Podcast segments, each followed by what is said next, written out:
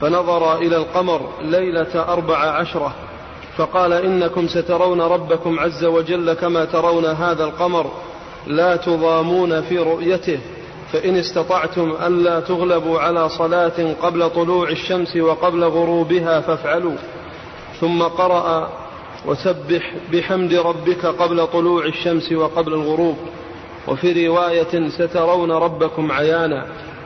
وروى صهيب عن النبي صلى الله عليه وسلم قال إذا دخل أهل الجنة الجنة نودوا يا أهل الجنة إن لكم عند الله موعدا لم تروه فيقولون ما هو؟ ألم يبيض وجوهنا ويزحزحنا عن النار ويدخلنا الجنة قال فيكشف الحجاب فينظرون إليه قال فوالله ما أعطاهم الله شيئا أحب إليهم من النظر إليه ثم تلا للذين أحسنوا الحسنى وزيادة رواه مسلم.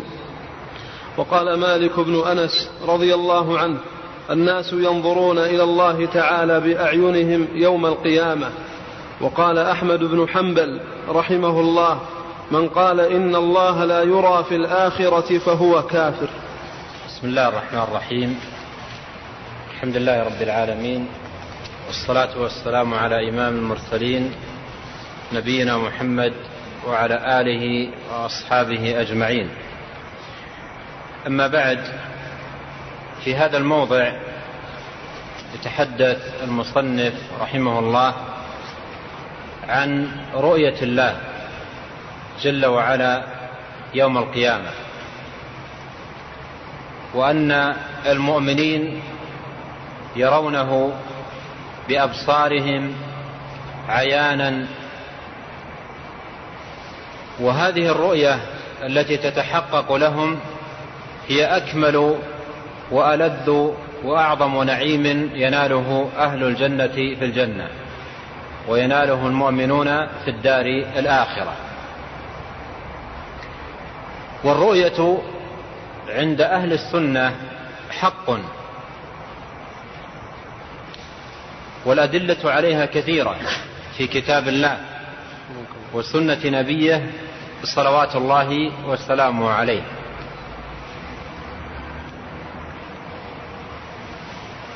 وجرت عادة أهل العلم أو كثير منهم أن يذكروا الكلام على الرؤية رؤية الله جل وعلا في الصفات باعتبار أن الله عز وجل يرى يراه المؤمنون. بأبصارهم حقيقة يرونه من فوقهم.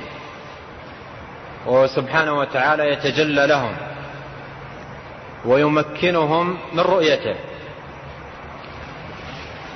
ومن أهل العلم من يذكر ما يتعلق بالرؤية في مباحث الإيمان باليوم الآخر عندما يذكرون نعيم أهل الجنة يذكرون في جملته رؤية الله لأن هذا يتحقق لأهل الإيمان بل هو أعلى وألد وأعظم نعيم يناله أهل الجنة في الجنة.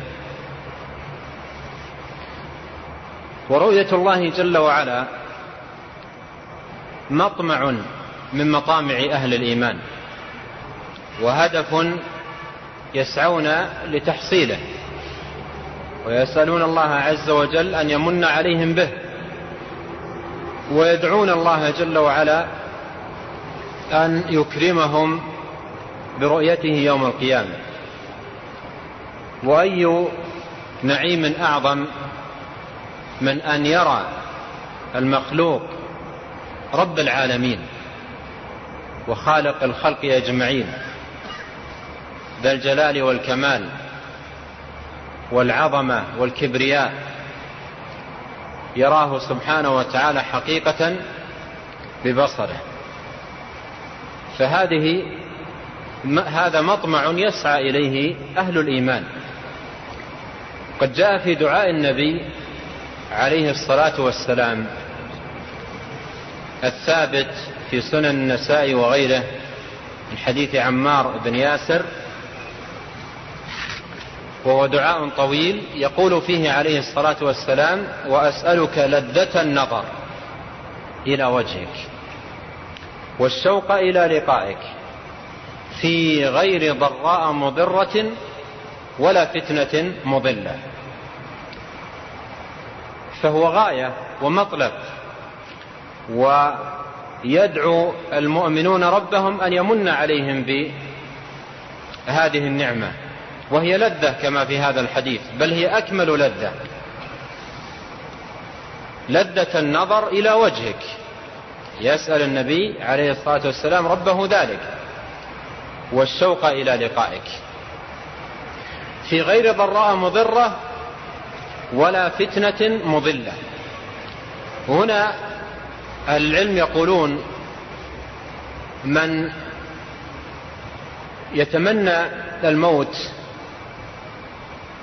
قد يتمناه لضراء مضرة نزلت به يعني بلاء وشدة ومصيبة نزلت به فيريد الموت ليسلم منها. وقد يريد الموت لفتنة مضلة تنزل بالناس فتنة عظيمة يخشى على نفسه منها فيتمنى الموت ليسلم من هذه الفتنة.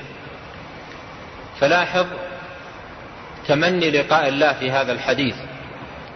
أسألك لذة النظر إلى وجهك والشوق إلى لقائك. في غير ضراء مضرة ولا فتنة مضلة. يعني ليس الغرض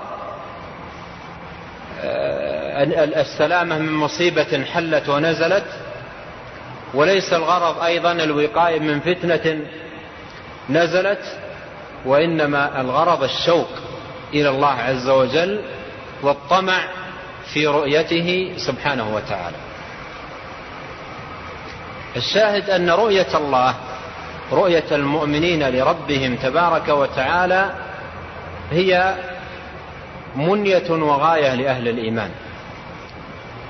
ويسألون الله عز وجل أن يكرمهم وأن يمن عليهم بهذا الأمر العظيم. ويسعون لذلك. يسعون لذلك في حياتهم. وإيمانهم بالرؤية يزيد الطاعة فيهم لأنهم يعلمون أن الطاعة والعبادة سبب للرؤية وهذا جانب مهم سيأتي الحديث عليه. فإيمانهم بالرؤية أثره عليهم في العمل والسلوك عظيم جدا. وقد سبق أن أشرت إلى أن الإيمان بصفات الله تبارك وتعالى له أثره البالغ على العبد في عبادته وطاعته وإقباله على الله تبارك وتعالى. وكذلك إيمانه بأن الله يرى لما يعتقد المسلم أن الرب العظيم خالق هذا الكون ذي الجلال والجمال يرى يوم القيامة يراه المؤمنون بأبصارهم حقيقة عيانا. وأن هذه الرؤية هي أهنأ وأكمل نعيم ينالونه في الجنة. لا شك أن هذا سيحرك في المؤمن بهذا الأمر أعمالا خيرة وطاعات عديدة. وسيأتي توضيح لهذا الجانب في حديث النبي عليه الصلاة والسلام الآتي. وأدلة الرؤية في الكتاب والسنة متضافرة. جاء في القرآن في مواضع عديدة.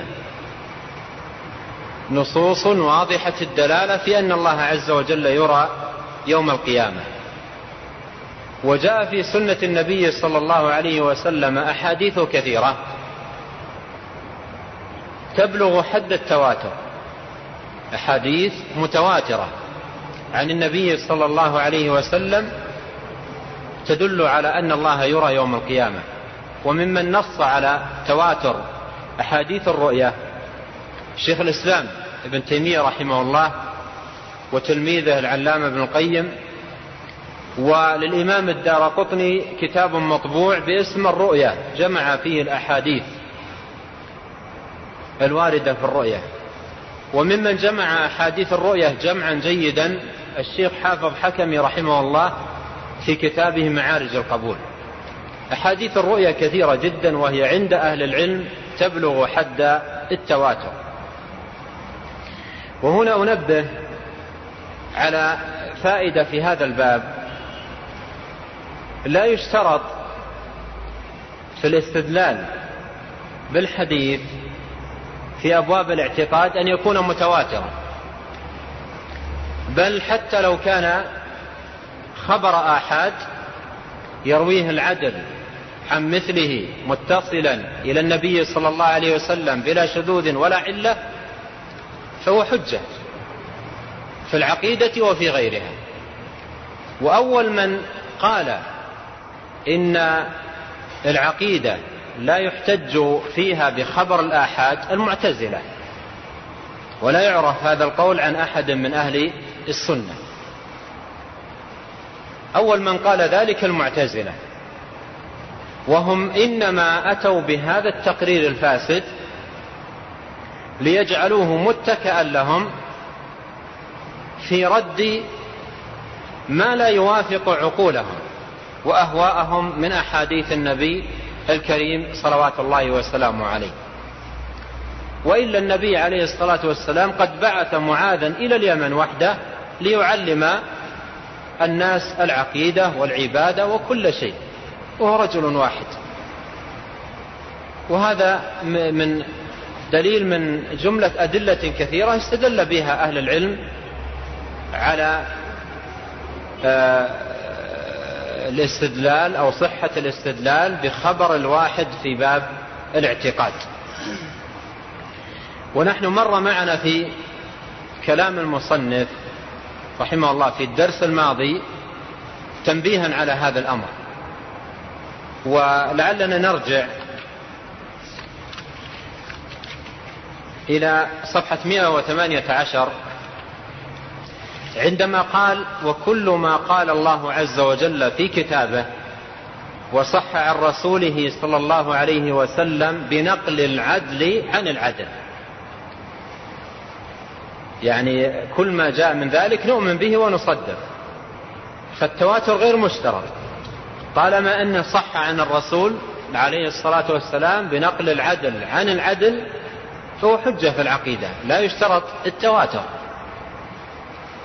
والمصنف بقوله هذا يؤكد على هذا المعنى وفي الوقت نفسه يرد على المعتزلة ومن تأثر بهم ممن يقول إن خبر الآحاد لا يحتج به في الاعتقاد.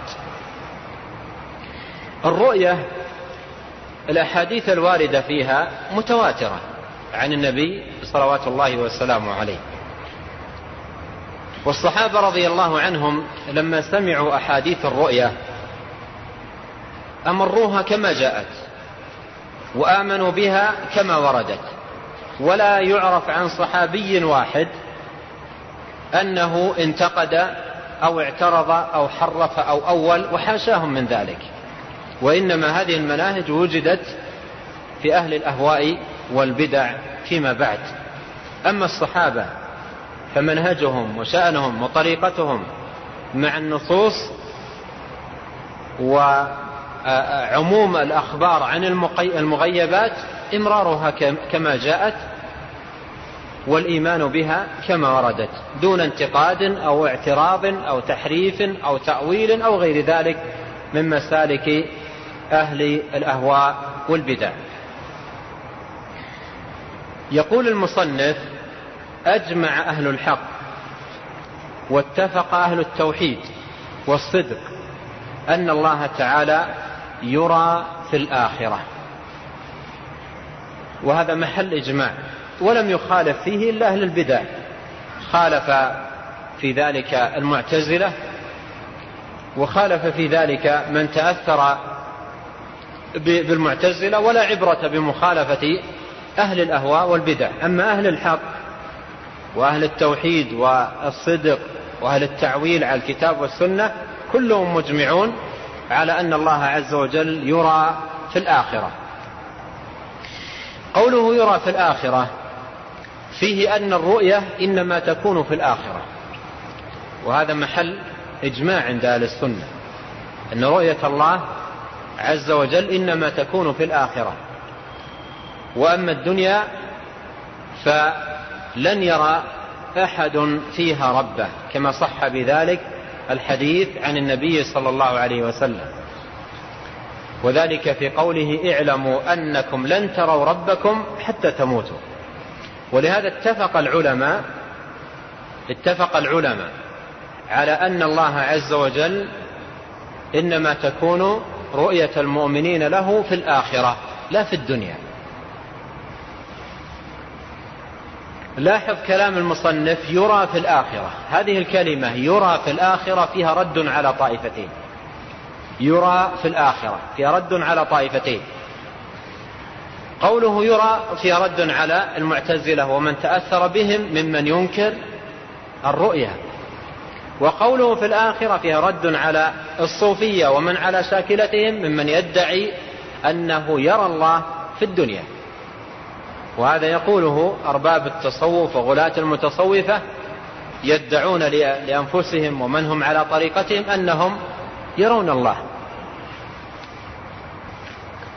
فقوله هذه الجملة القصيرة يرى في الآخرة فيها الرد على على الطائفتين.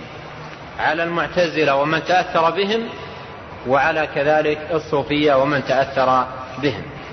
وفيها تقرير القول الحق في هذا الباب وهو أن رؤية الله عز وجل إنما تكون في الآخرة لأهل الإيمان.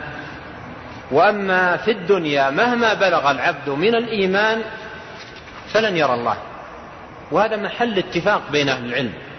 وليس في هذه المسألة أي خلاف إلا فيما يتعلق بهل رأى النبي عليه الصلاة والسلام خاصة ربه أو لا. هذه وقع فيها نزاع. وإلا محل إجماع بين السلف رحمهم الله أن الله عز وجل لا يرى في الدنيا. لا يراه المؤمنون في الدنيا ووقع نزاع فيما يتعلق بالنبي عليه الصلاة والسلام هل رأى ربه أو لم يرى ربه. والصحيح كما قرره المحققون من أهل العلم أن النبي عليه الصلاة والسلام لم يرى ربه وأن رؤية الله للجميع إنما تكون في الآخرة وهي من نعيم الآخرة ونعيم الآخرة في الآخرة. قال كما جاء في كتابه وصح عن رسوله عليه الصلاة والسلام. وهذا فيه إشارة إلى أن الرؤية دل عليها القرآن ودلت عليها السنة. وبدأ يذكر بعض أدلة القرآن وبعض أدلة السنة على ثبوت الرؤية آه، قال قال الله عز وجل وجوه يومئذ ناظرة إلى ربها ناظرة. هذا دليل من القرآن. وجوه يومئذ ناظرة بالضاد وهي من النظرة. يقال وجه النظر أو ذو نظرة أي ذو حسن وبهاء ونور وضياء. ويقال نظر الله وجهك أي جعله ذا نظرة أي ذا حسن وبهاء وجمال. وفي الحديث عن النبي صلى الله عليه وسلم أنه قال نظر الله امرأ سمع مقالتي فوعاها فأداها كما سمعها. وهذه دعوة من النبي عليه الصلاة والسلام.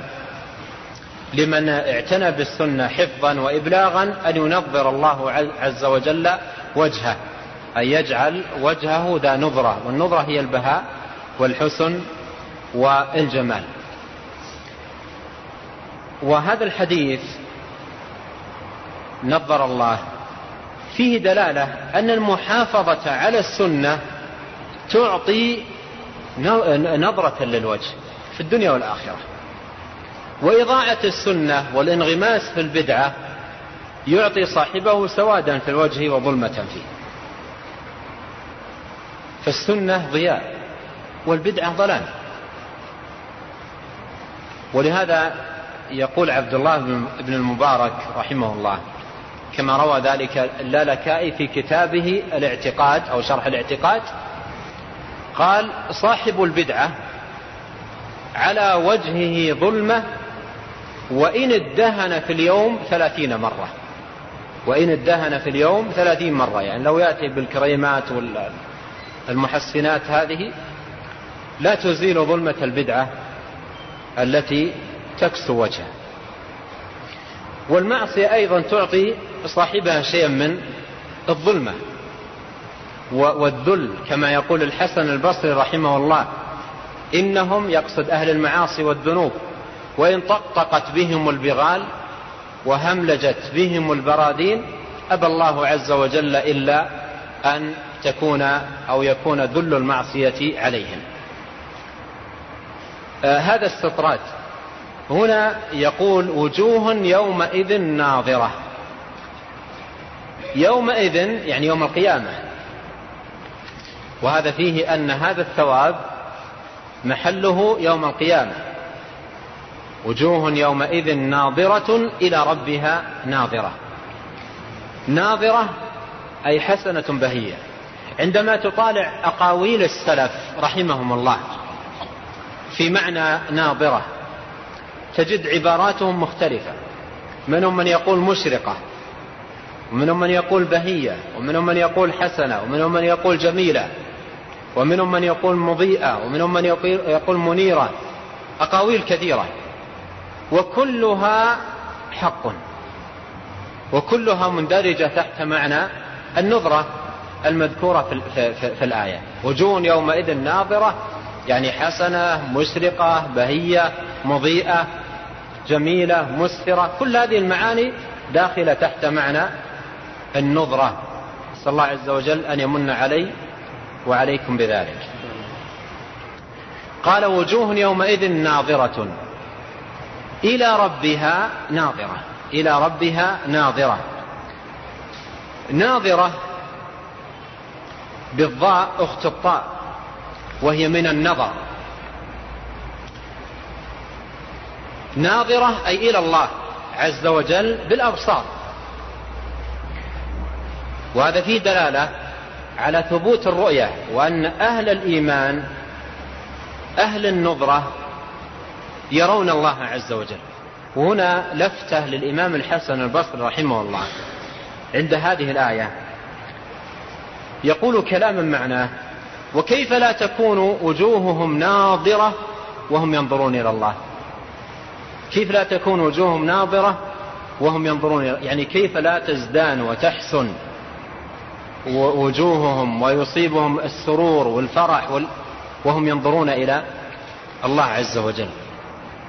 فهذا يعني هذا مع هذا. وجود هذا يأتي معه هذا. يرى الله عز وجل كيف لا يكون على وجهه النظرة وقد نال أكمل نعيم وأتم نعيم. آه، إلى ربها ناظرة يعني تنظر إلى الله جل وعلا بأبصارها. بعض أهل الأهواء حاولوا صرف آه، آه، هذه الآية عن معناها. حاولوا صرف هذه الآية من معناها لأنهم ينكرون الرؤية. صاحب الإيمان والسنة انظروا يعني المفارقة العجيبة. صاحب الإيمان والسنة لما يمر على هذه الآية ما الذي يتحرك في قلبه؟ ما الذي يتحرك في قلبه؟ وما الذي يدور في خلده ونفسه لما يقرأ هذه الآية؟ وجوه يومئذ ناظرة إلى ربها. يتحرك قلبه شوقا وطمعا في أن يكون من هؤلاء الذين وجوههم ناظرة وينظرون إلى الله سبحانه وتعالى بأبصارهم. ويتحرك مع هذه المعاني ويطمع ويدعو ويسأل. أما أهل البدع ففي حرمان نسأل الله عز وجل العافية والسلامة. لما يأتون لمثل هذه الآيات ينشغلون بماذا؟ بصرفها عن ظاهرها. بصرفها عن ظاهرها. لماذا؟ لأوهام فاسدة في نفوسهم قائمة. فيبدأون يشتغلون بصرف هذه الآية عن ظاهرها. هنا ناظرة وجون يومئذ ناظرة إلى ربها ناظرة. قالوا ليس المراد ناظرة إلى الله أي أنها تنظر إليه. الرؤية الله لا يمكن أن تكون عندهم. ويجحدونها. إذا ماذا ناظرة؟ قالوا منتظرة. من النظر هنا من الانتظار منتظرة لثواب الله منتظرة لثواب الله منتظرة لنعيم الله. هم الآن في نظرة وفي النعيم. وهم في النظرة وفي النعيم ويجعلونهم ماذا؟ ينتظرون النعيم. ويجعلون ينتظرون النعيم. فيفسدون معنى الآية يفسدون معنى الآية ويزيدون على ذلك ماذا؟ إضعاف قدر النعيم الذي يناله أهل النعيم في, في, في الجنة. فيقولون هنا النظر من الانتظار. ويجعلون هذا مثل قوله انظرونا نقتبس من نوركم. ومثل فإني إني مرسلة إليهم بهدية فناظرة بهدية فناظرة بما يرجع. المرسلون. ناظرة يعني منتظرة. وأهل العلم يقولون إن نظر لها أحوال من حيث التعدي واللزوم ومعناها يختلف بحسب ذلك. فإذا تعدت بنفسها انظرونا ناظرة. إذا تعدت بنفسها يعني بدون حرف فهي بمعنى الانتظار. انظرونا نقتبس من نوركم أي انتظرونا. من الانتظار. ناظرة بما يرجع المرسلون أي منتظرة. بأي شيء يرجع المرسلون. وإذا تعدت نظر بحرف في بحرف في تكون بمعنى التفكر والاعتبار أولم ينظروا في ملكوت السماوات والأرض؟ ينظروا في ملكوت السماوات. إيش المراد بالنظر هنا؟ التفكر والاعتبار المصاحب لرؤية هذه المخلوقات العظيمة العجيبة. وإذا عديت بإلى كما في الآية هنا وجوه يومئذ ناظرة إلى ربها ناظرة. فلا تكون الرؤية هنا إلا بالباصرة يعني العين. كيف؟ وقد انضم إلى ذلك إسناد النظر إلى الوجه الذي فيه البصر. فما أصبح ثمة مجال لمقالة هؤلاء. هنا قال وجوه أسند الرؤية إلى الوجه الذي فيه البصر. فهذا كله محقق للرؤية ومؤكد لمعناها ومع ذلك الوضوح والبيان في الدلالة إلا أن أهل الأهواء يأبون إلا رد ذلك. القرآن الكريم فيه مواضع عديدة تدل على أن الله عز وجل يرى يوم القيامة ويراه المؤمنون بأبصارهم. والمؤلف رحمه الله اكتفى بذكر هذه الآية. ومن الأدلة التي في القرآن قول الله آه، تبارك وتعالى عن الكفار أهل النار كلا إنهم عن ربهم يومئذ لمحجوبون. كلا إنهم عن ربهم يومئذ لمحجوبون يعني الكفار. حجبهم بعذابه تعذيبه لهم. فإذا قيل بأن المؤمنين لا يرون الله فإنهم بذلك يعني بهذا القول سووا يعني سووا بينهم وبين الكفار. الكفار محجوبون. مفهوم المخالفة للآية أن أهل الإيمان لا يحجبون. الحجب ليس لأهل الإيمان للكفار. بينما عند هؤلاء الكل لا يرى الله وأن الله عز وجل لا يرى فيسوون بين من قال الله في حقه وجوه يومئذ ناظرة إلى ربها ناظرة وبين الكافر الذي قضى الله عز وجل بأن يحجب عن رؤية الله ويجعلون الكل سواء. في هذا الباب. ولهذا قال بعض السلف حقيق بمن ينكر رؤية الله عز وجل يوم القيامة ألا ينالها. حقيق بمن ينكر رؤية الله عز وجل يوم القيامة ألا ينالها. هو لا, لا, لا يعتقدها ولا يؤمن بها ويجحدها. ولا فيه يوم من الأيام سأل الله أن ينعم عليه بهذه النعمة ويمن عليه بهذه المنة. فهو ليس حقيق بها. ليس حقيقا بها. الحقيق بالرؤيا الذي يؤمن بها ويعمل ويجد ويبذل الأسباب التي تنال بها هذه المكرمة العظيمة والمنزلة الرفيعة.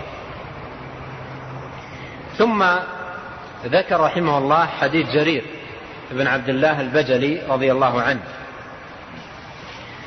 قال كنا جلوسا ليلة مع رسول الله صلى الله عليه وسلم فنظر إلى القمر ليلة البدر. آه، ليلة أربع عشرة فقال إنكم سترون ربكم كما ترون هذا القمر لا تضامون في رؤيته وفي لفظ لا تضامون في رؤيته. فإن استطعتم ألا تغلبوا على صلاة قبل طلوع الشمس وصلاة قبل غروبها فافعلوا ثم قرأ وسبح بحمد ربك قبل طلوع الشمس وقبل الغروب. قال وفي رواية سترون ربكم عيانا. هنا هذا حديث من أحاديث الرؤيا من الأحاديث الدالة على أن المؤمنين سيرون الله. وانظروا كمال نصح النبي عليه الصلاة والسلام وتمام بيانه لهذا الأمر العظيم. يقول جرير كنا جلوس وهذا يفيدنا أن الحديث رواه النبي عليه الصلاة والسلام بجمع من الصحابة. يعني عنده جمع من الصحابة سمعوه منه قال كنا جلوس ليلة مع رسول الله. صلى الله عليه وسلم. وهذه العبارة كما ينبه أهل العلم كنا عند رسول الله كنا جلوسا مع رسول الله فيها أدب الصحابة في الخطاب والإخبار عن الرسول صلى الله عليه وسلم. ما يقول كان معنا أو كان عندنا يقول كنا عنده. وهذا من أدب الخطاب فيما يتعلق بالنبي الكريم عليه الصلاة والسلام. فنظر إلى القمر. فنظر إلى القمر. ليلة أربع عشرة. يعني كان في وسط الشهر. تلك الجلسة التي جلسوها كانت في منتصف الشهر ليلة الرابع عشر. ليلة الرابع عشر يكون القمر قد تم. ويسمى بدر التمام. لماذا؟ لأن القمر في تلك الليلة يكون قد تم. لأنها أول ما يبدو في أول الشهر يبدو آه، ضعيفا ثم يتزايد شيئا فشيئا حتى إذا جاء الليلة الرابع عشرة يكون في آه، تمام إبداره وتمام حسنه وبهائه. ولما يكون الجو صحو في تلك الليلة. كل الناس يرونه. يرونه حقيقة بأبصارهم رؤية عيانية بدون مزاحمة وبدون. لاحظ الآن الهلال في أول الشهر قلة الذين يرونه. وأحيانا يحتاجون لرؤيته إلى إلى التضام يتضامون لرؤيته لأن الشيء رفيع ودقيق. يعني ما يرى إلا بتضام وتزاحم. يتقارب الناس حتى يستطيعوا الرؤية والتمكن منها ودلالة بعضهم بعضا إلى هذا الشيء الذي يرى. فالنبي عليه الصلاة والسلام اختار للبيان ليلة الرابع عشرة وهي التي يكون فيها القمر في تمام الوضوح وتمام البيان. ثم قال إنكم سترون ربكم عز وجل كما ترون هذا القمر كما ترون هذا القمر. العلماء يقولون هنا أكد النبي عليه الصلاة والسلام رؤية الله يوم القيامة بمؤكدات كثيرة أكده أولا بإن وإن تأتي للتأكيد وأكده بالسين التي تدخل على الفعل المضارع وهي أيضا يؤتى بها للتأكيد. وأكده بالإشارة كما ترون هذا القمر. نحن كيف نرى القمر؟ كما ترون لما أشار لهم كيف كيف كانت رؤيتهم؟ رؤية بالأبصار حقيقة بأعينهم ينظرون إليه ويشاهدونه. كما ترون هذا القمر يعني حقيقة بأبصاركم. وأكده بقوله كما ترون هذا القمر. هذه كلها مؤكدات إلى أن رؤية الله يوم القيامة حقيقية. فمع كل هذه المؤكدات على الرؤية وصحتها وأنها لأهل الإيمان مع كل هذه المؤكدات لا ينكر ذلك إلا من؟ إلا مكابر إلا معاند إلا إنسان يركب هواه وإلا, وإلا الأمر من أوضح ما يكون. وإذا أردتم يعني آه، ضبط وضوح هذا الأمر انظروا حال الصحابة الذين كانوا عند النبي عليه الصلاة والسلام. لما سمعوا هذا الحديث أي شيء كان منهم؟ أيعرف عن أحدهم إنكار أو تردد أو عدم قبول؟ أبدا. بل انطلقوا يروونه للناس وجاءنا من طريقهم يروونه وبلغوه للأمة. ولا يزال أهل السنة وأهل الحق يتناقلونه بينهم وهم يغتبطون ويفرحون ويسألون الله عز وجل أن يمن عليهم بهذا الأمر العظيم. وقوله سترون هذا يفيد أن الرؤيا ليست في الدنيا وإنما في المستقبل. فالسين للمستقبل. وجاء في بعض الروايات في الصحيح إنكم سترون ربكم يوم القيامة. سترون ربكم يوم القيامة. وهذا فيه تأكيد للمعنى السابق والذي أيضا بدأ به المصنف ألا وهو أن رؤية الله عز وجل في الدار الآخرة. وهو المعنى الذي أيضا جاءت إليه الإشارة في الآية التي استدل بها المصنف وجوه يومئذ يعني يوم القيامة. إنكم سترون ربكم. الخطاب هنا لأهل الإيمان. الخطاب هنا لأهل الإيمان. ولا يدخل في ذلك الكفار. بل أهل الإيمان يمن الله عز وجل عليهم برؤية برؤيته وهو أكمل نعيم ينالونه يوم القيامة. إنكم سترون ربكم عز وجل كما ترون هذا القمر. هنا الكاف للتشبيه. قوله إنكم سترون ربكم كما ترون هذا القمر. الكاف هنا للتشبيه. ولكن التشبيه هنا للرؤية بالرؤية وليس للمرء بالمرء. فالتشبيه هنا للرؤية بالرؤية. أي كما أنكم ترون القمر بأعينكم حقيقة عيانا جهارا بأبصاركم بدون حجاب فكذلك يوم القيامة سترون ربكم عيانا بيانا بأبصاركم بدون حجاب. فإذا التشبيه هنا لماذا؟ للرؤية بالرؤية. ليس تشبيها للمرء وهو القمر بالرب العظيم سبحانه وتعالى وحاشا أن يكون المعنى هذا. الله عز وجل يقول ليس كمثله شيء وهو السميع البصير. فإذا التشبيه هنا للرؤية بالرؤية. وهذا فيه تأكيد أنها رؤية حقيقية بالأبصار آه، وأيضا يفيدنا هذا كما ترون هذا القمر. رؤية الناس للقمر في هذا اليوم اللي هو يوم الرابع عشر. الشأن فيها الوضوح التام الوضوح التام. والكل يراه بكل ارتياح في أي مكان. يعني يطلع القمر في ذلك ال ال اليوم الكل يراه من كان مبصرا يراه. يراه بعينه بكل ارتياح. لا يحتاج الأمر إلى تضار ولا إلى تضام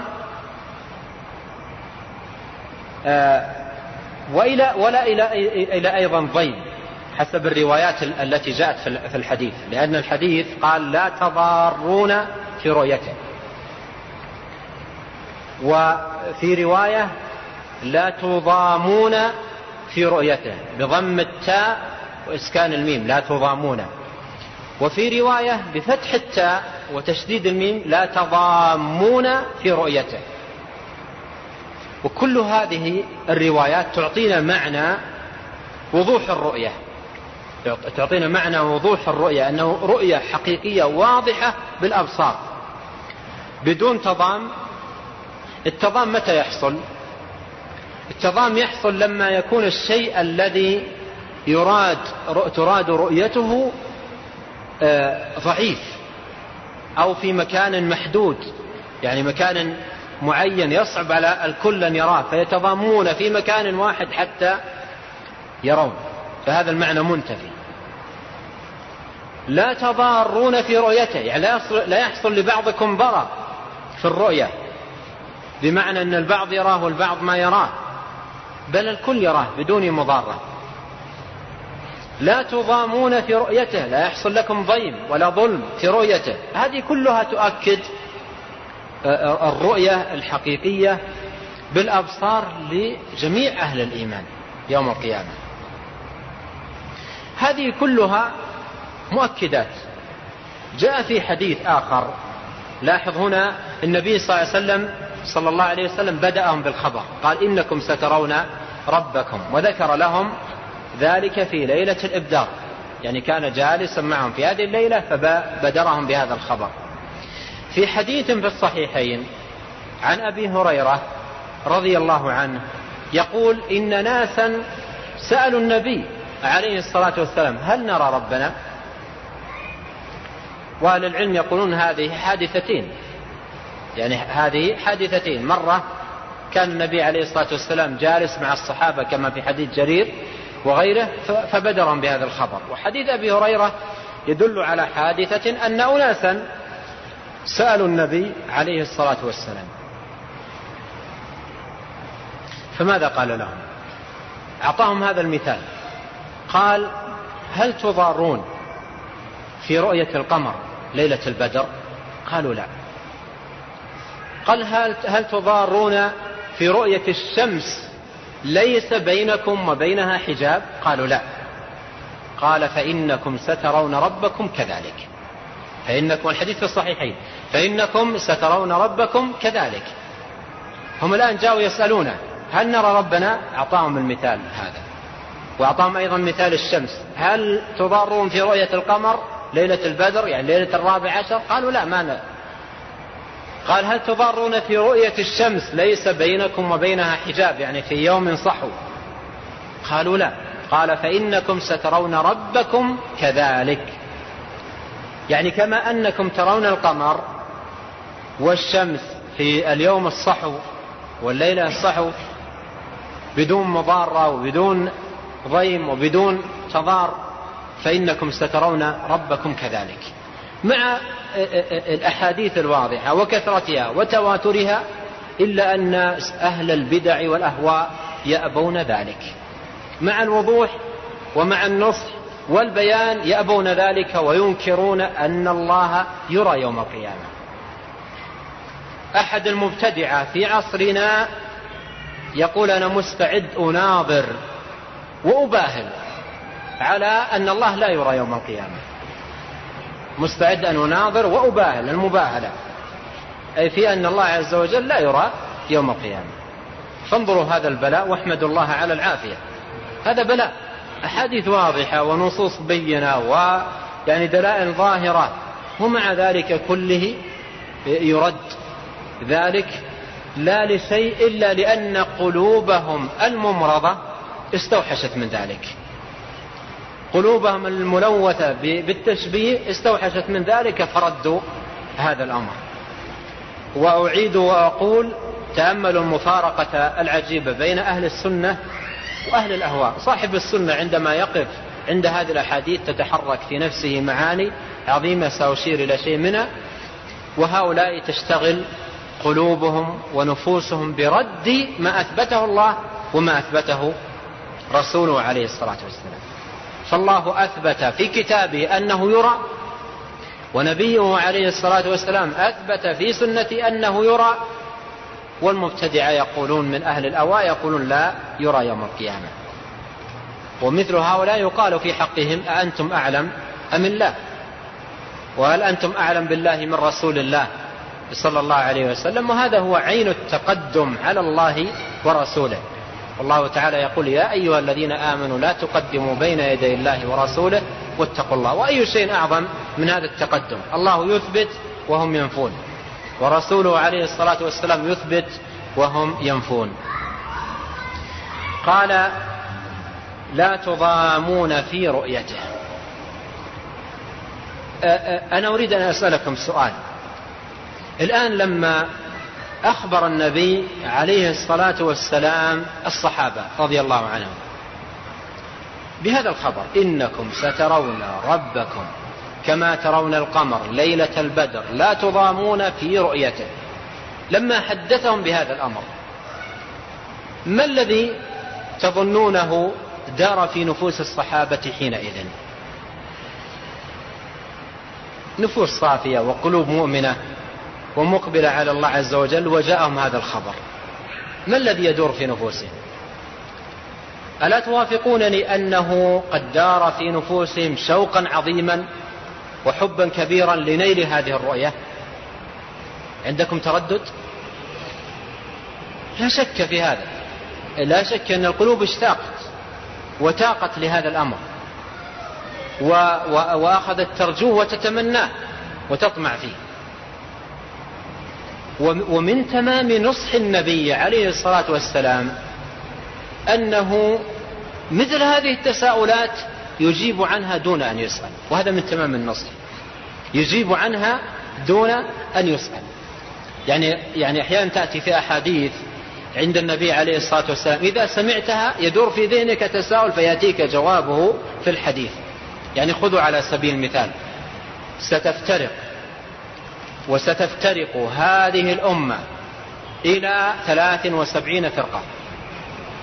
أو الحديث الآخر إنه من يعش منكم فسيرى اختلافا كثيرا. إيش يدور في بالك لما تسمع؟ إنه من يعش منكم فسيرى اختلافا كثيرا. ما المخرج؟ كيف النجاة؟ يأتيك الجواب بدون سؤال. إنه من يعش منكم فسيرى اختلافا كثيرا فعليكم بسنتي. هذا جواب هذا جواب سؤال كما يعبر عنه بالحديث يطرح نفسه. سؤال إيش يطرح نفسه من المؤمن الصادق المحب للخير. آتي هنا وأقول لكم لما قال النبي صلى الله عليه وسلم إنكم سترون ربكم يوم القيامة كما ترون القمر ليلة البدر. لا تضامون في رؤيته. ما السؤال الذي يطرح نفسه؟ ما السؤال الذي يطرح نفسه هنا في هذا المقام؟ جوابه يأتي في الحديث. جوابه يأتي في الحديث. ما العمل؟ كيف ننال هذه الرؤيا ما السبيل إلى تحصيلها؟ ما الأمور المعينة على ذلك؟ هذا السؤال يطرح نفسه في هذا المقام.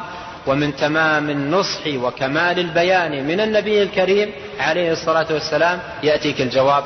فإن استطعتم ألا تغلبوا على صلاة قبل طلوع الشمس وصلاة قبل غروبها فافعلوا. وهذا إشارة منه عليه الصلاة والسلام. إلى أن رؤية الله عز وجل يوم القيامة لا تنال بمجرد الأماني. ليس بأمانيكم ولا أماني أهل الكتاب. فرؤية الله عز وجل لا تنال بمجرد الأماني. بل لا بد من عمل وجد واجتهاد وبذل وسؤال وإقبال على الله تبارك وتعالى. ولهذا أرشد النبي عليه الصلاة والسلام إلى الأسباب التي ينال بها العبد رؤية الله عز وجل. فماذا قال؟ فإن استطعتم ألا تغلبوا. إن استطعتم ألا تغلبوا. على صلاة قبل طلوع الشمس وصلاة قبل غروبها فافعلوا. وهذا فيه إشارة إلى صلاتين عظيمتين. وهما صلاة الفجر وصلاة العصر. وهاتان الصلاتان ورد في شأنهما نصوص كثيرة جدا تدل على فضل هاتين الصلاتين على بقية الصلوات. ومن هذه النصوص ما ثبت في الصحيحين من صلى البردين دخل الجنة وهما في الصحيحين. ومنهما أيضا ما في الصحيحين عن النبي صلى الله عليه وسلم أنه قال يتعاقبون فيكم ملائكة بالليل وملائكة بالنهار ويجتمعون في صلاة الصبح وصلاة العصر. ثم يعرجون إلى الله وهو أعلم بهم فيقول كيف أتيتم عبادي؟ أو كيف تركتم عبادي؟ فيقولون أتيناهم وهم يصلون وتركناهم وهم يصلون. وفي الباب أحاديث كثيرة جدا في الجمع بين هاتين الصلاتين وبيان فضلهما. هنا يقول إن استطعتم. إن استطعتم. وهنا فيه أن التكليف بالاستطاعة. والله عز وجل لا يكلف نفسا إلا وسعها. ولا يكلف الله عز وجل العبد إلا ما يطيق. صلي قائما فإن لم تستطع فقاعدا فإن لم تستطع فعلى جنب. ما أمرتكم به فأتوا منه ما استطعتم. واستطاعة الإنسان يعلمها من نفسه يعلمها من نفسه. الصحابة رضي الله عنهم لعلو مقام هذه الصلاة بينهم كان يؤتى بالرجل منهم يهادى بين الرجلين حتى يقام في الصف. والمتهاون عند أدنى تعب أو أقل انشغال يترك الصلاة ويتعلل بعدم الاستطاعة. ولهذا أمر الاستطاعة كل إنسان يدركه من نفسه. وإذا كان يتعلل لنفسه بعدم الاستطاعة وهو مستطيع فهو إنما يخدع نفسه وإنما يضر نفسه والإنسان بصير بنفسه. فإن استطعتم ألا تغلبوا. وهنا أيضا قفوا عند قولي ألا تغلبوا. وهذه فيها فائدة مهمة جدا. ألا تغلبوا هذا إشارة إلى أن في الدنيا أمور ستغالبكم على المحافظة على هاتين الصلاتين. في أمور مغالبة. فإن استطعتم ألا تغلبوا ألا تنهزموا أمام هذه العوائق وأمام هذه الشواغل وأمام هذه الصوارف فافعلوا حتى تنالوا هذا الثواب العظيم. وغيره مما أعده الله عز وجل لأهل الإيمان وأهل الصلاة وأهل الطاعة والعبادة. وهنا لك أن تسأل ما الأمور التي تغلب على الصلاة؟ ما الأمور التي تغلب الإنسان على الصلاة؟ حدث عن هذا الباب ولا حرج. بعض الناس يغلبه على الصلاة فنجال الشاي. الشاي هذا الذي هو من أتفى ما يكون يغلب على الصلاة. يؤذن يد فنجال الشاي يفضل أن يبقى يشرب الشاي إلى أن تنتهي الصلاة ولا يبالي. فنجال شاهي يغلبه على الصلاة. بعضهم يغلبه على الصلاة حديث تافه وسمر ماجن ولهو باطل ومشاهدات رديئة تغلب على الصلاة التي هي زينة الحياة الدنيا. وجمالها وبهاءها. تجد يجلس والصلاة ينادى لها حي على الصلاة حي على الفلاح ثم قد قامت الصلاة وهو عند أمر من أتفه ما يكون. ومن الناس من يغلبه على الصلاة النوم. ولهذا خصت صلاة الفجر بأن يضم في النداء إليها الصلاة خير من النوم. يعني هذا النوم الذي يغالبك وتلتذ به وتهنى الصلاة خير منه. ففيه أمور كثيرة تغلب على الصلاة.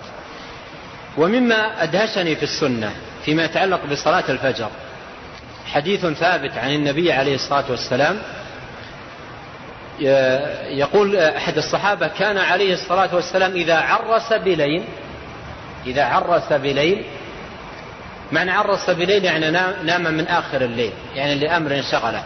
إذا عرس بليل أقام ساعدة ووضع كفه على خده ونام بهذه الطريقة. يعني ينام بهذه إذا كان نومه من آخر الليل ينام بهذه الطريقة. يقيم ساعدة ويضع خده على كفه وينام. لماذا؟ حتى لا يستغرق في النوم فيغلب على على الصلاة. حتى لا يستغرق في النوم ويغلب على الصلاة. هنا نأتي إلى ظاهرة أحيانا تأتي عند بعض طلبة العلم. تجدهم في الليل في مسائل علمية ومناصحات. وتداول أبحاث وتحقيق مسائل ومناقشات ويتأخر بهم النوم حتى وقت متأخر من الليل. ثم تثقل رؤوسهم عن الصلاة المكتوبة. وليس هذا مرة لا يتكرر. فسهرهم هذا ولو كان على قراءة القرآن وذكر الله محرم. إذا كان على حساب إضاعة صلاة الفجر والغليبة على صلاة الفجر.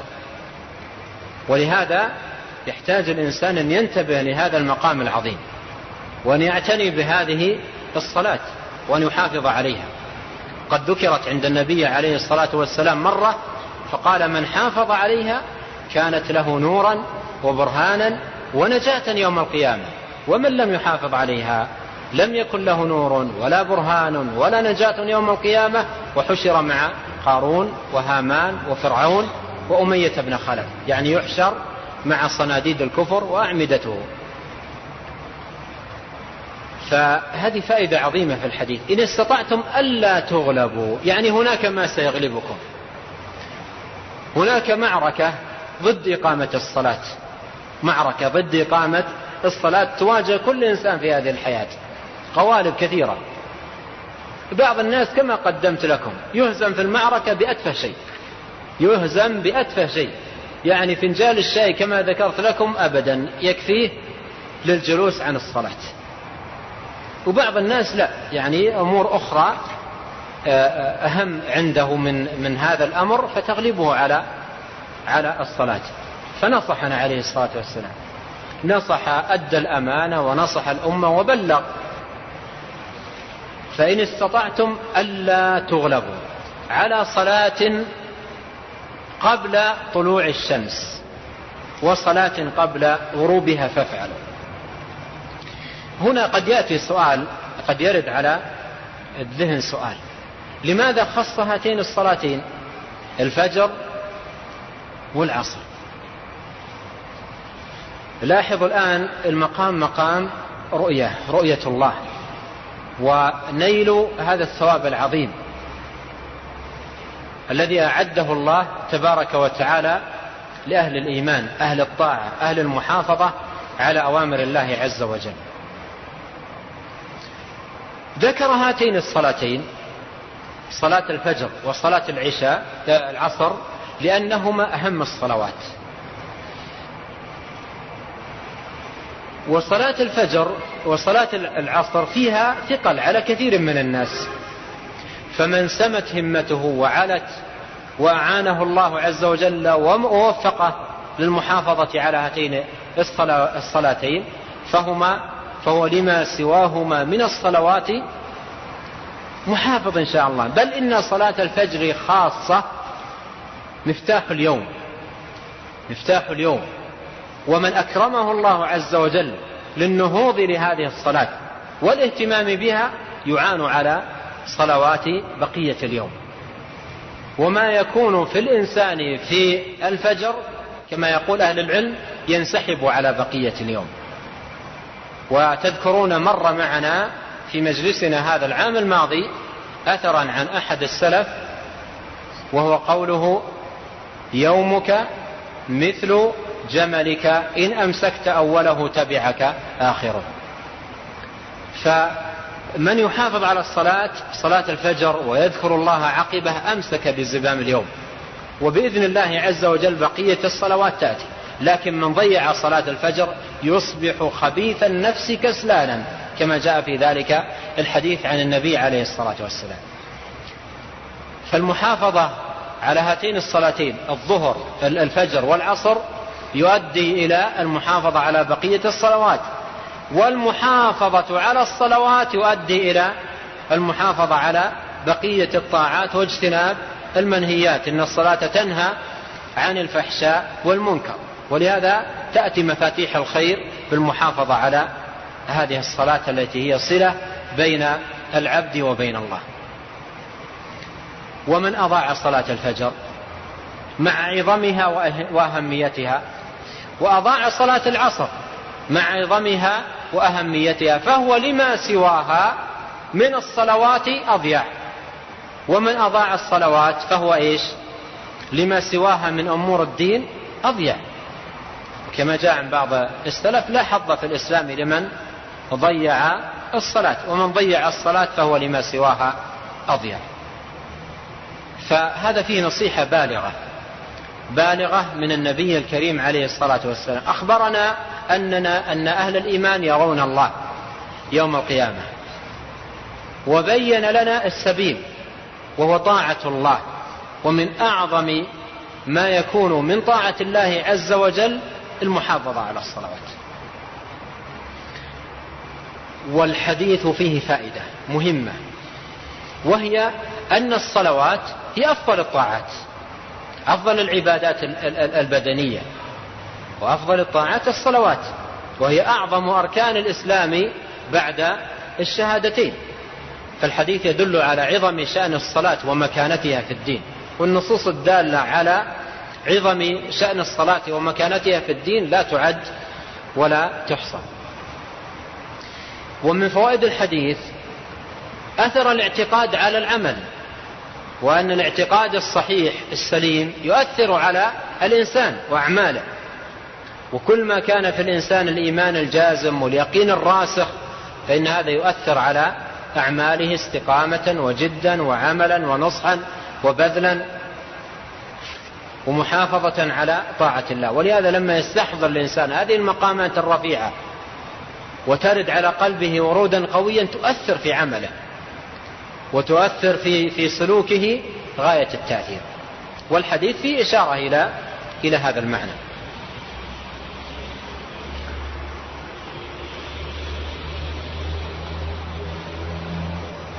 قال ثم قرأ وسبح بحمد ربك قبل طلوع الشمس وقبل الغروب. والمراد بالتسبيح هنا قبل قبل طلوع الشمس وقبل الغروب صلاة الفجر وصلاة العصر.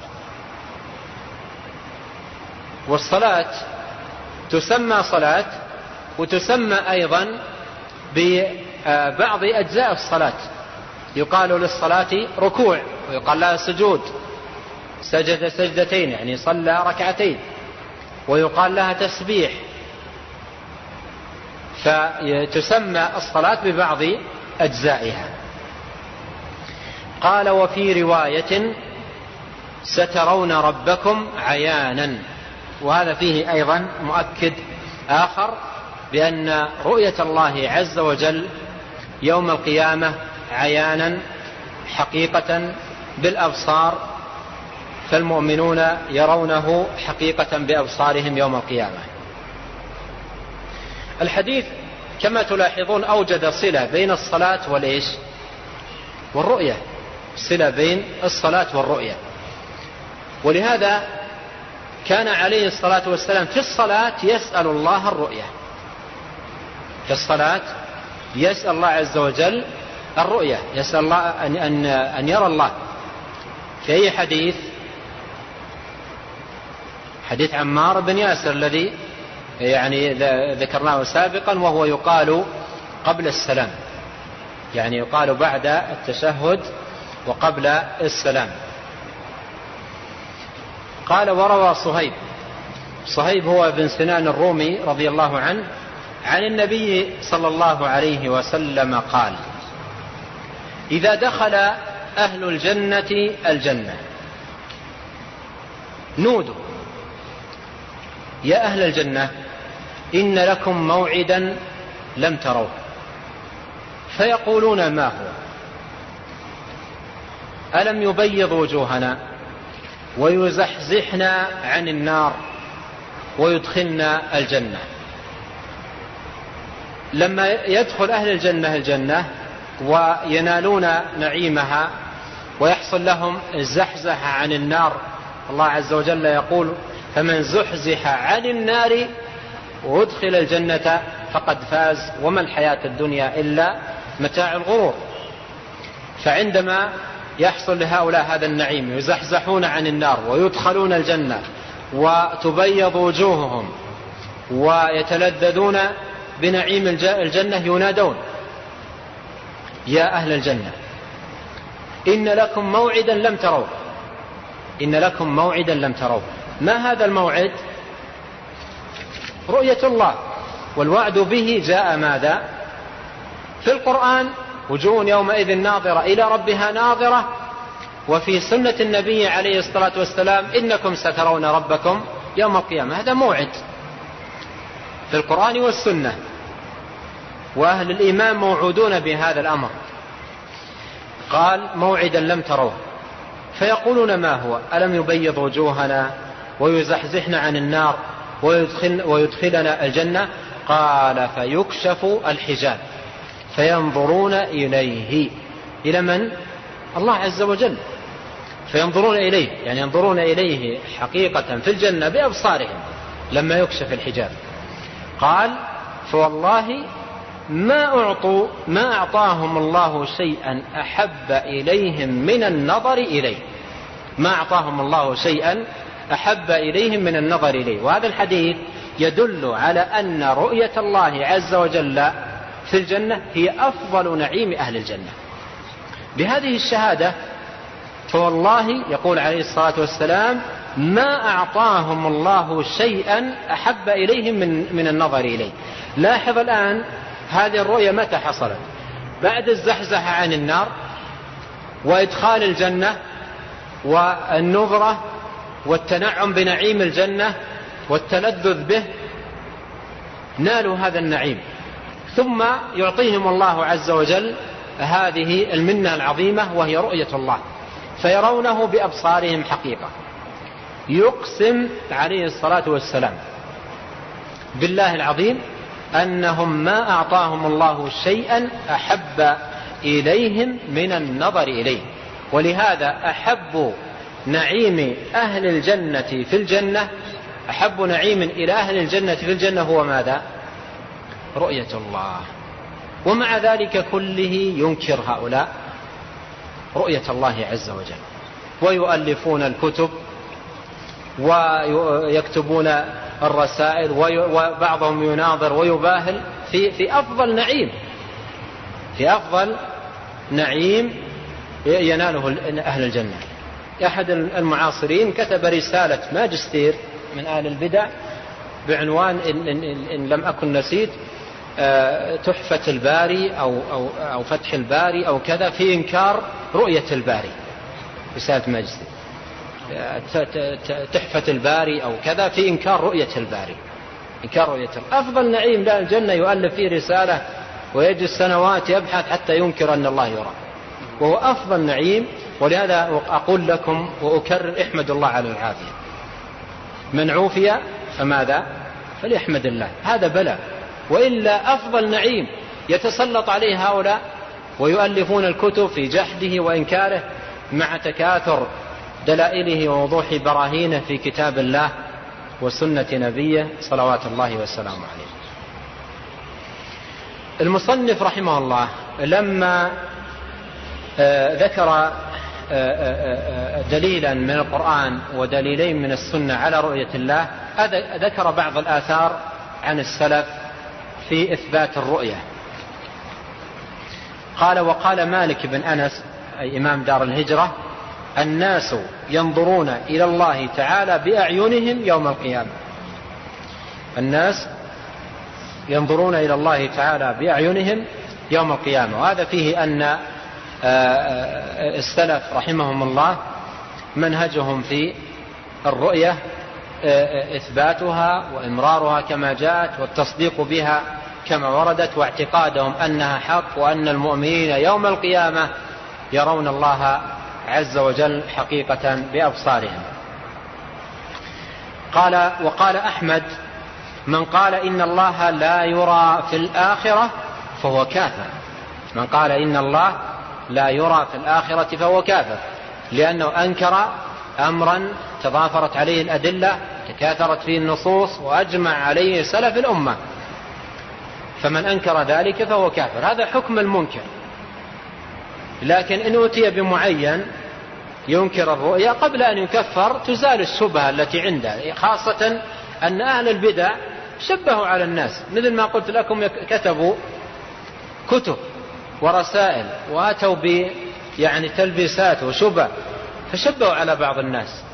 فمن ينكر الرؤيا قبل أن أن يكفر تزال عنه الشبهة وتبان تبين له المحجة ويوضح له السبيل فإذا تبين له ووضح له الأمر عندئذ يحكم عليه بالكفر. أما الحكم يعني من حيث الإطلاق الذي ينكر رؤية الله كافر لأنه إنكار لأمر تضافرت عليه أدلة وتكاثرت فيه النصوص في كتاب الله وسنة النبي صلى الله عليه وسلم وأجمع عليه سلف الأمة رحمهم الله.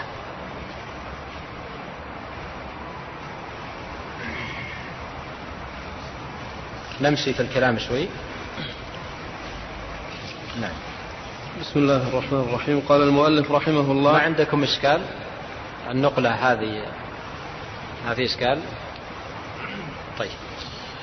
ومن مذهب أهل الحق أن الله عز وجل لم يزل متكلما بكلام مسموع مفهوم مكتوب. قال الله عز وجل وكلم الله موسى تكليما وروى عدي بن حاتم قال قال رسول الله صلى الله عليه وسلم ما منكم من أحد إلا سيكلمه الله يوم القيامة ليس بينه وبينه ترجمان. ثم ينظر أيمن منه فلا ينظر إلا شيئا قدمه ثم ينظر أشأم منه فلا يرى إلا شيئا قدمه.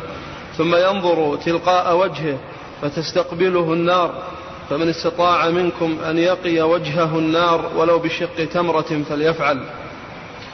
وروى جابر بن عبد الله قال لما قتل عبد الله بن عمرو بن حرام قال رسول الله صلى الله عليه وسلم يا جابر ألا أخبرك ما قال الله لأبيك؟ قال بلى قال وما كلم الله أحدا إلا من وراء حجاب وكلم أباك كفاحا قال يا عبد الله تمنى علي أعطيك. قال يا رب تحييني فأقتل فيك ثانية. قال إنه سبق مني أنهم إليها لا يرجعون. قال فأبلغ من ورائي فأنزل الله عز وجل ولا تحسبن الذين قتلوا في سبيل الله أمواتا. بل أحياء عند ربهم يرزقون رواه ابن ماجه. طيب. آه الكلام في صفة الكلام حتى عند المصنف رحمه الله طويل ويحتاج إلى بعض يعني التمهيدات فلعلنا نؤجل الحديث عنه لدرسنا القادم. ربما نحتاج في صفة الكلام إلى جلستين. في أسئلة. فنستمع الآن بعض الأسئلة. في سؤال الشيخ يقول هل ورد في السنة آه، ترتيب لمن يرى الله عز وجل يوم القيامة؟ يعني ورد في السنة ما يدل على تفاضل الناس في الرؤية وأن رؤيتهم لله عز وجل يعني متفاوتة بحسب منازلهم ودرجاتهم في الجنة. ومنهم من يراه في الأسبوع مرة ومنهم من يراه في اليوم مرتين يعني يتفاوتون في ذلك. ورد في السنة أحاديث تدل على هذا المعنى. ورد سؤال عن عن عن الدرس الماضي عن صفة الهرولة وهل وهل هي من باب الإخبار؟ وهل عدم إثباتها قول لأهل السنة أو قول لبعض أهل السنة؟ هو القول في الهرولة هو القول في بقية الصفات والباب واحد تمر كما جاءت ويؤمن بها كما وردت. والقول بأنها يعني تمثيل للثواب أو بيان للثواب أو نحو ذلك فيه نوع من التأويل وصرف لللفظ فالهرولة القول فيها كالقول في المجيء والإتيان والاستواء وبقية الصفات الفعلية. ويجب على المؤمن في كل صفة وردت في النصوص أن تمر كما جاءت مع التنزيه لله تبارك وتعالى عن مشابهة المخلوقات. فإمرارها كما جاءت مطلوب والتنزيه كذلك مطلوب. على القاعدة التي يدل عليها قول الله تعالى ليس كمثله شيء وهو السميع البصير. وفي سؤال وجه إلى اللجنة الدائمة للإفتاء برئاسة الشيخ عبد باز رحمه الله عن هذا الحديث. وقالوا هل الرؤية من الصفات؟ فقالوا نعم هي من الصفات وموجود في مجموع فتاوى اللجنة الدائمة للإفتاء وأهل العلم كلام في هذا أيضا كثير فهي تمر كما جاءت ويؤمن بها كما وردت ولا يخاض فيها بتأويل وإنما يفعل فيها على سنن أهل السنة والجماعة في سائر الصفات. تمر كما جاءت مع تنزيه الله عز وجل عن المماثلة. ورد سؤال عن أنه قد ورد عند بعض أهل العلم أن الكفار يرون ربهم يوم القيامة. فما دليل هذه المسألة؟ أو كيف تكون رؤيتهم؟ الرؤية هنا ليست رؤية النعيم وإنما آه، الرؤية العامة للمجازات والمحاسبة وهذا لا تنافي فيه مع النصوص التي فيها تخصيص أهل الإيمان بالرؤية لأن الرؤية هنا رؤية الإنعام والإكرام وتلك رؤية المجازات أو المحاسبة في عرصات يوم القيامة. وأهل العلم يستدلون لهذا بأدلة عديدة. منها قول الله تعالى فمن كان يرجو لقاء ربه ونظائرها واللقاء يقولون إنما يكون بالرؤية. ولهم أدلة كثيرة. وفي زمن شيخ الإسلام بن تيمية رحمه الله حدثت مناظرة قوية ومنازعة شديدة في البحرين. بين طائفتين من الناس منهم من يثبت رؤية الكفار في عرصات القيامة ومنهم من ينفيها. ورفعت المسألة لشيخ الإسلام وكتب فيها رسالة تجدونها في المجلد الخامس أو السادس من مجموع الفتاوى. وفصل القول في, في ذلك وتكلم فيها أيضا عن الأدب الذي ينبغي أن يكون عليه طلاب العلم في النزاع والخلاف في المسائل العلمية تكلم على هذا الجانب كلاما جيدا وأيضا حقق القول في هذه المسألة. يقول ما معنى الحديث الصحيح الكبرياء ردائي والعزة إزاري فلماذا خص الكبرياء بالرداء والعزة بالإزار؟ الكبرياء ردائي والعزة إزاري هذا فيه آه، إثبات صفة الكبرياء وصفة العزة لله تبارك وتعالى. وذكر الرداء وذكر الإزار إشارة إلى ملازمة هذه الصفة لله عز وجل وثبوتها له وأنها مختصة به عز وجل. والصفة التي دل عليها الحديث هنا هي صفة العزة وصفة الكبرياء وأنها ثابتة لله عز وجل ومختصة به عز وجل ومن آه، نازع الله عز وجل في شيء منها خذله الله في الدنيا والآخرة. ثم يقول هل كون المؤمنين يرون ربهم أنه يلزم من ذلك إدراكهم لكيفية بعض الصفات كالوجه وغيره؟ هذه مسألة بحثها يعني أهل العلم في آه، في هذا الباب وهي الرؤية رؤية الله عز وجل.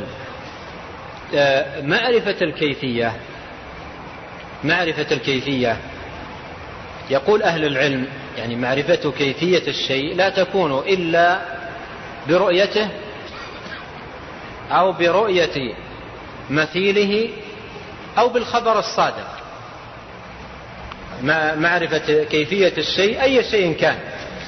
لها ثلاثة طرق. إما أن يرى وإما أن يرى مثيله أو يأتي خبر صادق يبين كيفيته. فنأتي إلى آه، ما يتعلق بصفات الله عز وجل في, في, في الدنيا. لم يره المؤمنون.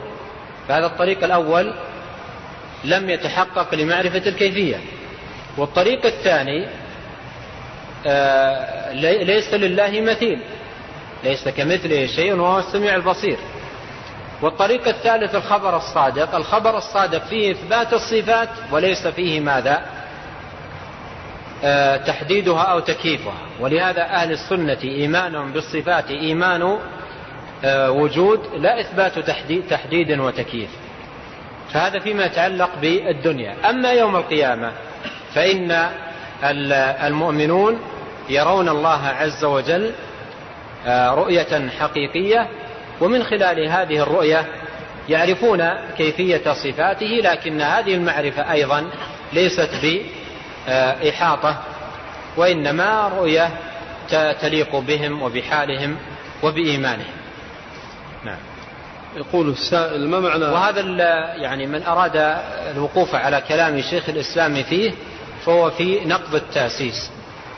يعني تكلم عن هذه المسألة في رده على الرازي. نعم. يقول السائل ما معنى؟ ما جاء في الحديث فيكشف الحجاب. يكشف الحجاب الحجاب جاء في الحديث حجابه النور. في حديث إن الله لا ينام ولا ينبغي له أن ينام. حجابه النور لو كشفه لأحرقت سبحات وجهه ما انتهى إليه بصره من خلقه. وسبحات وجهه يعني بهاؤه وحسنه. والحجاب النور. نعم. يقول هل بينتم لنا مزيد بيان في مسألة رؤية النبي صلى الله عليه وسلم ربه في الدنيا؟ آه، اختلف أهل العلم هل النبي صلى الله عليه وسلم رأى ربه في الدنيا أو لم يره؟ على قولين. هناك بعض الآثار عن بعض الصحابة قد يفهم منها آه، أن النبي رأى ربه مثل بعض الآثار عن ابن عباس رضي الله عنهما. لكن ابن عباس جاء عنه روايات مطلقة إنه رأى ربه وجاء عنه روايات مقيدة. رآه بفؤاده يعني بقلبه. ليست رؤية بالبصر. وهذه الرؤية التي بالفؤاد أو بالقلب دل عليها آه، نصوص أخرى. آه، رأيت مثل حديث رأيت ربي في أحسن صورة. يدل على هذا. وهذه كما يقول ابن كثير رؤية في المنام وليست في اليقظة ومن قال إنها في اليقظة فقد أبطل. فرؤية النبي عليه الصلاة والسلام لربه في المنام هذه حصلت ودلت عليها النصوص. وكلام ابن عباس رضي الله عنهما المطلق يحمل على كلامه المقيد وبهذا أيضا يتفق كلام السلف. وجاء عن بعض السلف مثل عائشة رضي الله عنها أنه لم يرى ربه. آه، وجاء أيضا عن غيرها. والشاهد أن القول الراجح في, في, في هذه المسألة أن النبي عليه الصلاة والسلام لم يرى ربه في الدنيا وأن رؤية الله عز وجل وهذا النعيم العظيم إنما يكون للناس جميعا يوم القيامة. وأخونا الشيخ محمد آه، التميمي له رسالة جيدة في هذا الباب بعنوان رؤية النبي صلى الله عليه وسلم ربه. أظنها طبعت في مجلة الجامعة. السؤال يقول هل رؤية الله في المنام تحصل لغير النبي صلى الله عليه وسلم؟ ذكر أهل العلم أن أنها تحصل. وممن ذكر ذلك شيخ الإسلام ابن تيمية رحمه الله. وأيضا ذكر أن أن أن الناس في هذه الرؤية يتفاوتون بحسب الإيمان.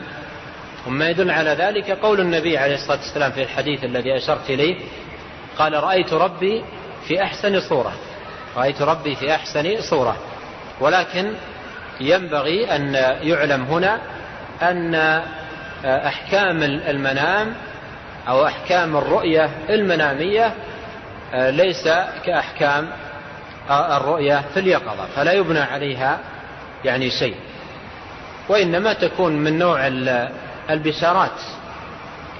وهذا شأن الرؤية المنامية مثل ما قال أهل العلم. الرؤيا المنامية تكون للبشارة والنذارة.